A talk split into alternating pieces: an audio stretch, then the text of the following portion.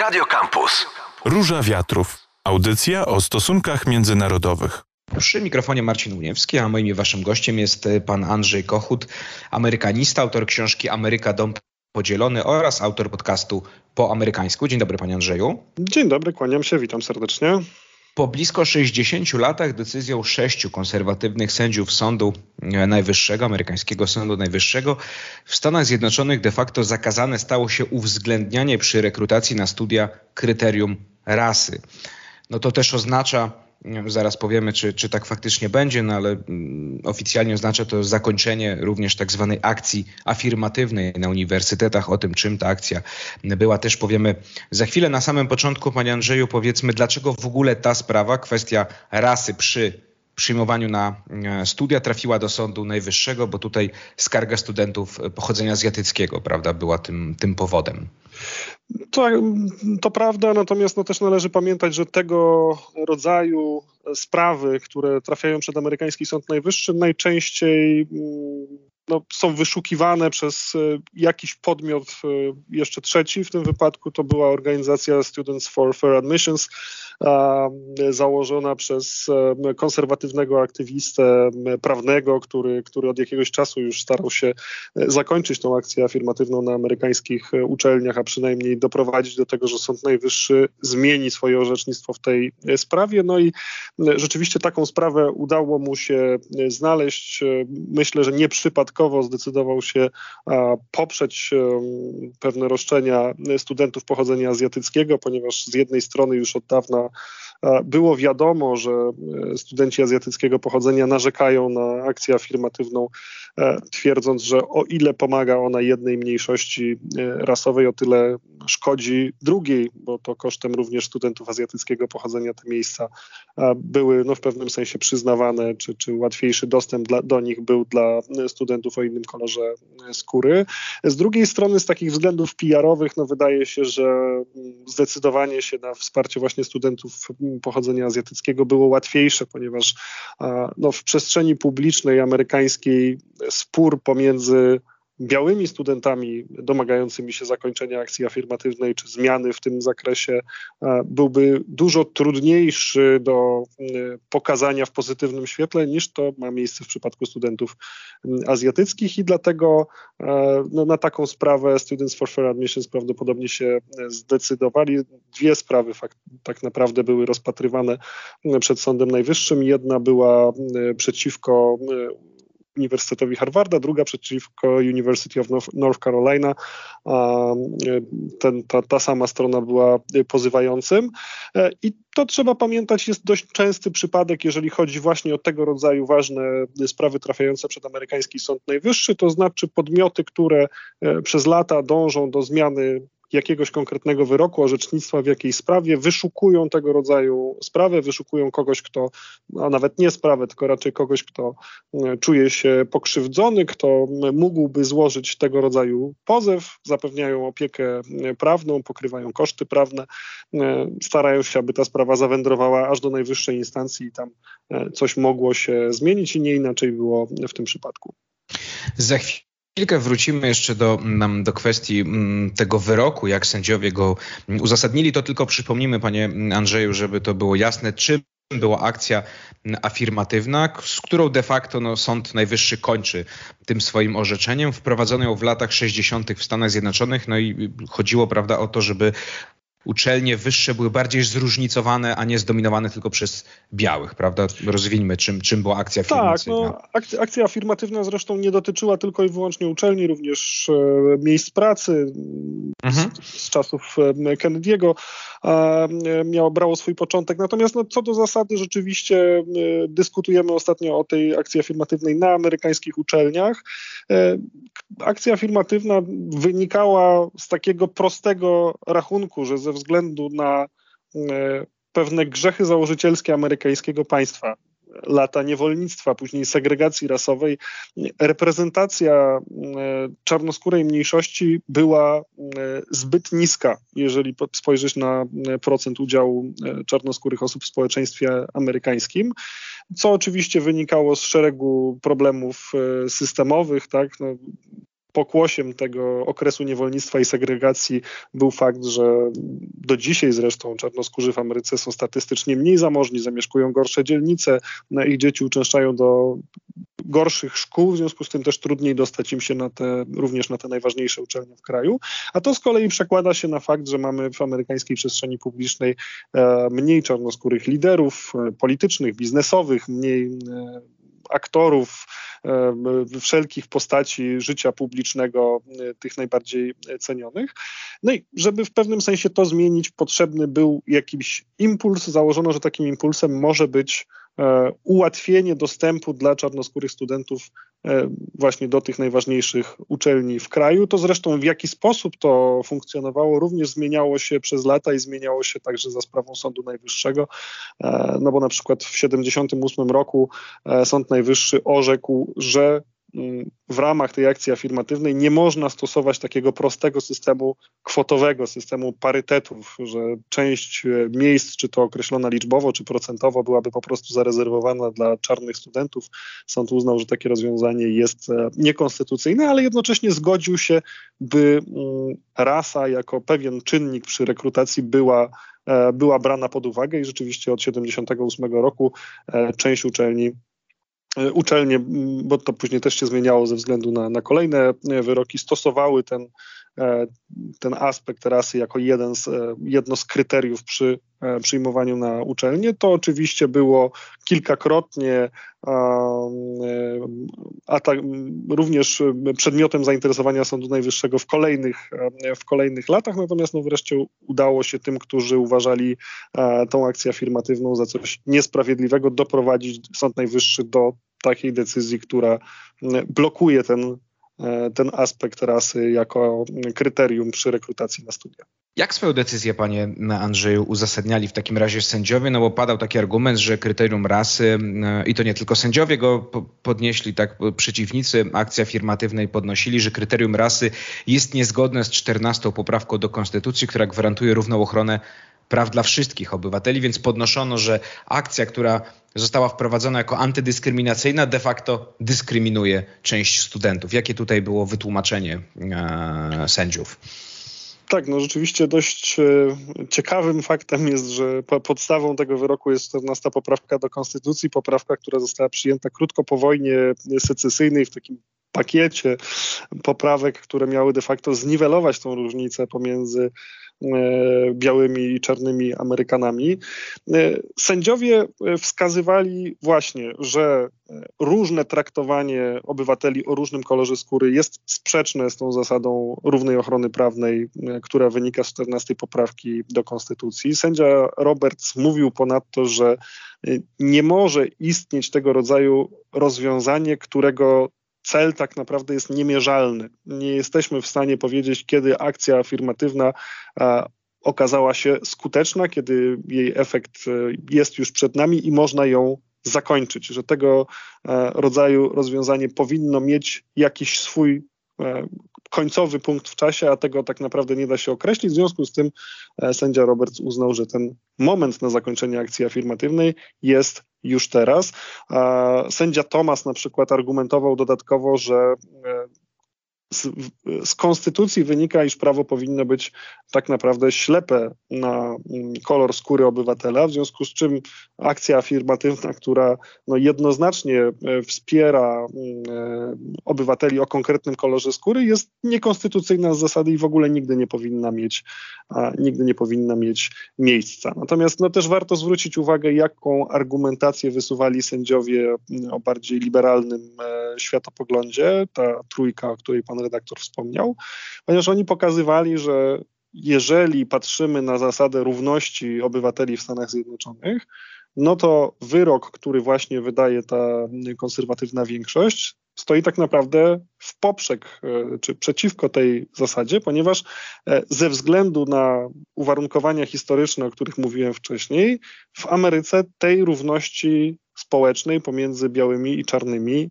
nie ma. Akcja afirmatywna miała doprowadzić do tego, a, że no, ta równość by się przybliżyła. W związku z tym usunięcie akcji afirmatywnej, jakkolwiek miała ona swoje niedoskonałości, spowoduje, że te istniejące już różnice, te istniejące już nierówności tylko zostaną zakonserwowane, tylko się utrwalą. W związku z tym e, tak naprawdę e, sędziowie e, konserwatywni w przekonaniu tej mniejszości liberalnej zadziałali wbrew równości obywateli w Stanach Zjednoczonych. To dość ciekawie pokazuje, jak różnie ta równość jest postrzegana i jaka jest tak naprawdę oś sporu pomiędzy obydwoma stronami. Jaka może być, panie Andrzej, oczywiście nie wróżmy, ale no jaka może być pana zdaniem, jaki może być skutek długofalowy decyzji Sądu Najwyższego o tym, czy ta decyzja będzie obowiązywała w całych Stanach Zjednoczonych, to ja pana też za chwilkę zapytam, ale na razie pana zdaniem, czy to może doprowadzić do tego, że spadnie odsetek mm, e, uczniów e, pochodzenia afroamerykańskiego, na przykład znów będzie więcej białych, czy te nierówności na uniwersytecie, uniwersytetach będą większe, czy, no, czy jeszcze za wcześnie na wyciąganie jakichś wniosków? To znaczy tak, e, jeżeli chodzi o e, wycofanie się z akcji afirmatywnej, to niektóre stany, korzystając z możliwości, jakie dały wcześniejsze wyroki Sądu Najwyższego, już to zrobiły, na przykład Michigan czy Kalifornia. Mhm. I tam rzeczywiście obserwowaliśmy bardzo znaczący spadek e, obecności czarnoskórych studentów na uczelniach. Na Kali w Kalifornii doszło później do pewnego odbicia, to znaczy ten odsetek znowu zaczął rosnąć, ale stało się to również dlatego, że Kalifornia, bardzo liberalny stan w tej nomenklaturze amerykańskiej, bardzo mocno starała się innymi sposobami zwiększyć liczbę e, czarnoskórych studentów i to się do pewnego stopnia udało. Pytanie, czy inne stany będą e, w tym samym stopniu zaangażowane, żeby to zrobić. E, niektórzy wskazują również, że patrząc na mm, amerykańskie y, uczelnie, skupiamy się na tych najbardziej prestiżowych, bo oczywiście na tych mniej, e, o, nieco mniejszym prestiżu, e, te warunki przyjęcia i tak są stosunkowo łatwe, stosunkowo łatwo się na te uczelnie mm, dostać, więc tak naprawdę ta bitwa dotyczy nieprzypadkowo właśnie Harvarda czy, czy Uniwersytetu y, Karoliny Północnej, gdzie y, tych chętnych jest bardzo dużo i tam rzeczywiście ten odsetek czarnoskórych studentów może e, się zmniejszyć. Natomiast też należy pamiętać, że e, tych problemów, jeżeli chodzi o dostępność amerykańskich uczelni, jest więcej. No, chociażby e, niedawno Sąd Najwyższy rozstrzygnął kwestię umorzenia części długów studenckich, które chciał zaproponować Joe Biden. I to również przekłada się na dostępność amerykańskich uczelni. One są po prostu bardzo drogie, niezależnie od akcji afirmatywnej bądź jej braku. Sporej części studentów będzie trudno się e, na tę uczelnię dostać, czy jest trudno się na tę uczelnię dostać. I patrząc znowu na ten przekrój demograficzny amerykańskiego społeczeństwa, e, wiedząc, że e, czarnoskórzy są statystycznie ubożsi niż, niż na przykład biali w Stanach Zjednoczonych. Wiemy też, że trudniej będzie im się dostać chociażby z takich względów czysto ekonomicznych e, na te najważniejsze uniwersytety. Jak będzie, panie Andrzeju, czy jak może być z tą decyzją y, Sądu Najwyższego? Czy to będzie podobnie tak jak w sprawie aborcji? Stany liberalne znajdą sposób, żeby obchodzić to postanowienie mm, Sądu Najwyższego, no a te konserwatywne, albo te Kalifornia akurat nie jest stanem konserwatywnym, ale te, które chciały wprowadzić, to po prostu to wprowadzą i będą, będą się tego trzymały. No myślę, że w znacznym stopniu to będzie teraz e, wynikało z tego, jak do tego podejdą nawet nie same Stany, ale też konkretne uczelnie, w jaki sposób będą próbowały mm, wesprzeć tych e, studentów, którzy, e, którzy mm, no, ze względu na swoją rasę na przykład mają utrudniony dostęp do uczelni. Pojawiają się różne pomysły, czy można by mm, taką preferencję zastosować ze względu na przykład na konkretne adresy, mm, no bo w Stanach Zjednoczonych dzielnice są dosyć mocno e, podzielone pod względem etnicznym i można na podstawie kodu pocztowego określić, czy ktoś mieszka w dzielnicy o przeważającej części białej populacji, czy też czarnej. E, być może gdzieś te informacje o e, rasie będą możliwe do przemycenia w inny sposób. E, Sąd Najwyższy w tym wyroku niejako dopuścił możliwość no, nieuwzględniania rasy w samym procesie rekrutacji, ale mm, dopuścił taką możliwość, że gdzieś ta dyskusja o rasie przy procesie rekrutacyjnym się pojawi, na przykład w eseju, który kandydat będzie pisał, składając swoje podanie na konkretną uczelnię, będzie mógł opisać swoje zmagania właśnie z, z problemami rasowymi w Stanach Zjednoczonych i być może taka informacja również jakoś pośrednio będzie wpływała na ten proces rekrutacyjny. Ostatecznie decyzje rekrutacyjne będą podejmowały konkretne osoby na konkretnych uczelniach. Pytanie też, na ile będzie można zawsze zweryfikować, która, która kwestia ostatecznie przesądziła, bo to nie jest też tak, że teraz nagle E, decydować będą tylko i wyłącznie wyniki e, w edukacji, ale również szereg innych czynników, tak jak to miało miejsce wcześniej, po prostu odpadnie ten czynnik e, rasowy. Więc myślę, że będzie to wyglądało bardzo różnie w przypadku poszczególnych uczelni, nawet nie poszczególnych stanów. Biały Dom zdecydowanie decyzję Sądu Najwyższego skrytykował. Joe Biden powiedział tutaj cytat: To nie jest normalny sąd. Zdecydowana większość Amerykanów nie zgadza się z większością podejmowanych przezeń decyzji. Koniec cytatu.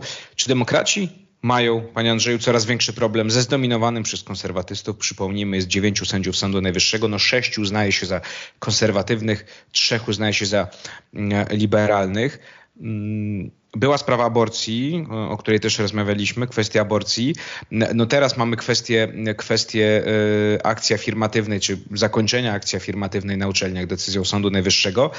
Czy dla Joe Bidena to jest to, to nie tylko Joe Bidena, bo przypomnijmy, sędziowie dożywotnie pełnią swoją funkcję w Sądzie Najwyższym. Mm, czy to będzie problem dla e, demokratów szczególnie? Czy jest już problem dla demokratów?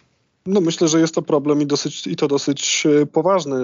Ta konstrukcja amerykańskiego systemu, która daje tak duże mm, możliwości Sądowi Najwyższemu do wpływania na kształt amerykańskiego prawa, mm, jest w pewnym sensie problematyczna, ponieważ to prawo często zmienia się wbrew e, nawet woli obywateli, co doskonale pokazuje ten wyrok w sprawie aborcji. Grupka czy część bardzo aktywna społeczeństwa doprowadziła do tej zmiany, która stoi w, w, sprzeczności z oczekiwaniem większości Amerykanów, którzy wcale nie, nie oczekiwali um, tego, że na przykład w części Stanów ta aborcja zostanie zakazana. To w pokłosiu tego, tego, tego wyroku Sądu Najwyższego. E, demokraci mają poważny problem, ponieważ Sąd Najwyższy już kilkakrotnie stawał na drodze Joe Bidenowi, bo właśnie chociażby w tej sprawie dotyczącej e, umorzenia długów studenckich. E, przypomnijmy, bo pewnie nie dla wszystkich jest to oczywiste, Joe Biden e, postulował anulowanie części długów studenckich. Te, te długi studenckie to jest bardzo poważny problem w Stanach, ponieważ studiowanie na uczelni wyższej jest po prostu dosyć drogie.